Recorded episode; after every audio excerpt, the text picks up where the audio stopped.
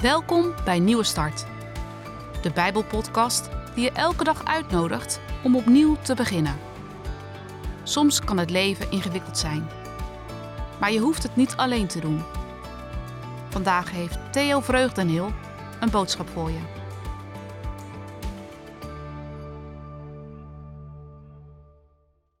Wie is er voor jou een voorbeeld geweest?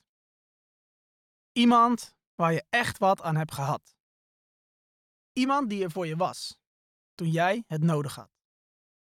Iemand waar je van denkt: ja, zo zou ik ook wel willen zijn. Heb je iemand in gedachten? Dat soort mensen heb je nodig, hè? Om af en toe eens aan te denken. Ook al zijn ze misschien al dood. Toch geeft het je moed en kracht. Ja, ze helpen je ook om het zelf vol te houden. Met geloven in een God is het precies hetzelfde. Dat gaat allemaal niet vanzelf. Ja, het is eigenlijk best een zware wedstrijd. Je zou kunnen zeggen dat het een soort estafetteloop is, die zich uitstrekt over de eeuwen. En steeds geven wij het stokje door. Ja, er zijn al heel wat lopers binnen. Voor hen zit het erop. Maar voor jou nog niet. Hoe ga jij het volhouden? Vandaag zegt een vers uit de Bijbel: Kijk eens naar anderen. Dan kan jij het vast ook. We lezen Hebreeën 12, vers 1 tot en met 3.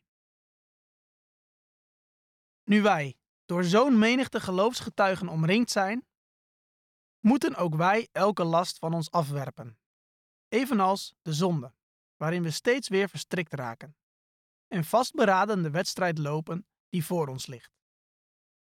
Laten we daarbij de blik gericht houden op Jezus, de grondlegger en voltooier van ons geloof. Met de vreugde voor ogen die voor hem in het verschiet lag, heeft hij het kruis verdragen en de schande ervan aanvaard. En heeft hij zijn plaats ingenomen aan de rechterzijde van de troon van God. Laat tot u doordringen hoe hij stand hield toen de zondaars zich zo tegen hem verzetten, opdat u niet de moed verliest en het opgeeft. In het hoofdstuk hiervoor worden tientallen mensen genoemd en hun verhaal verteld. Als voorbeelden voor jou. Het is een hele menigte. Deze mensen hadden een groot geloof, staat er. Misschien ken je ze wel.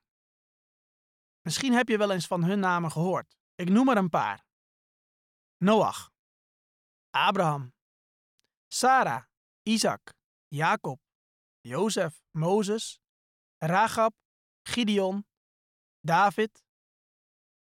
Misschien ken je ook hun verhalen wel. Misschien van vroeger, op school of bij een kinderbijbelclub. Wat was hun geheim? Deze mensen hadden een vooruitzicht, een verre droom. Er komt een hemel, een paradijs, ooit. Hoop op het eeuwige leven. Ja, het zijn niet voor niks bekende namen natuurlijk. Toch een soort helden. Als je dit hoort, dan denk je misschien wel, ja, ik ben niet zo'n held. Een dubbeltje wordt toch nooit een kwartje. Ja, weet je, mijn vader was ook al verslaafd. Met mij gaat het nooit wat worden. Ik maak er elke week een potje van. Ja, soms lijkt het nog wat. Dan kan ik me wel mooi voordoen hoor. Maar eigenlijk zit ik hartstikke vast in de zonde. Misschien voel je je slap en niet fanatiek genoeg. Nou, precies voor dat soort mensen schreef Paulus deze Hebreeënbrief. Hij schreef aan mensen die wilden afhaken en opgeven. Mensen met knikkende knieën. Slappelingen. De Bijbel is geen boek over helden. Zal ik eens de waarheid zeggen over die mensen die ik net noemde? Noach, die werd dronken in zijn blootje door zijn zoon gevonden. Abraham was te oud Lea was lelijk. Jozef, die werd mishandeld. En Mozes? Een totterende driftkop. Rahab? Een hoer. Jeremia? Hij was depressief. En David? Tja, hij ging vreemd met de buurvrouw. Elia wilde zelfmoord plegen. Jona liep gewoon weg. Een bangerik. Petrus verloochende Jezus. De Samaritaanse vrouw was tig keer gescheiden. En Zacchaeus was gierig en een bedrieger. Paulus, een moordenaar. Zo kan ik nog wel even doorgaan. Ja, dit zijn niet de elite troepen. Dit zijn prutsers, mislukkelingen. Mensen vol kreukels en littekens. Zondaars. Laat dat nu precies de types zijn waarmee God op weg is gegaan. Precies dit is het materiaal waar onze God het liefst mee werkt. Nou, in dat rijtje pas jij misschien ook wel. Of niet? Deze mensen zijn geen helden. Het worden ook getuigen genoemd. Een getuige ben je van iemand anders. Van wie dan? Dit zijn getuigen van Jezus. Jezus, ja, dat is wel een held. De grondlegger van ons geloof staat er. Het betekent zoiets als een baanbreker, een voorloper.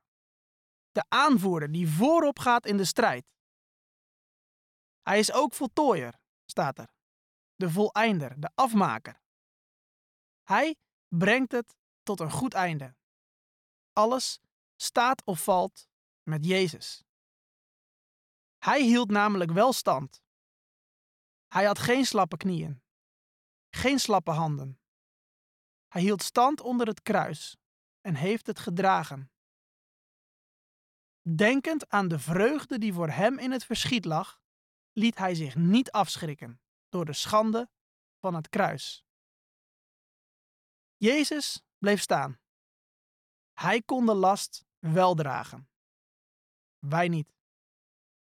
Die andere grote namen die ik noemde ook niet.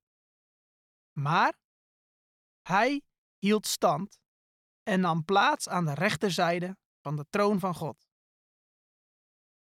Wil jij het ook volhouden? Het leven? Je geloof? Denk dan eens aan die mannen en vrouwen die jou voorgegaan zijn. Misschien mensen die je kent of kende, of mensen uit de Bijbel. Laat je door hen aanmoedigen. En ontdek het geheim wat zij ook hadden: Jezus Christus. Houd je blik gericht op Jezus.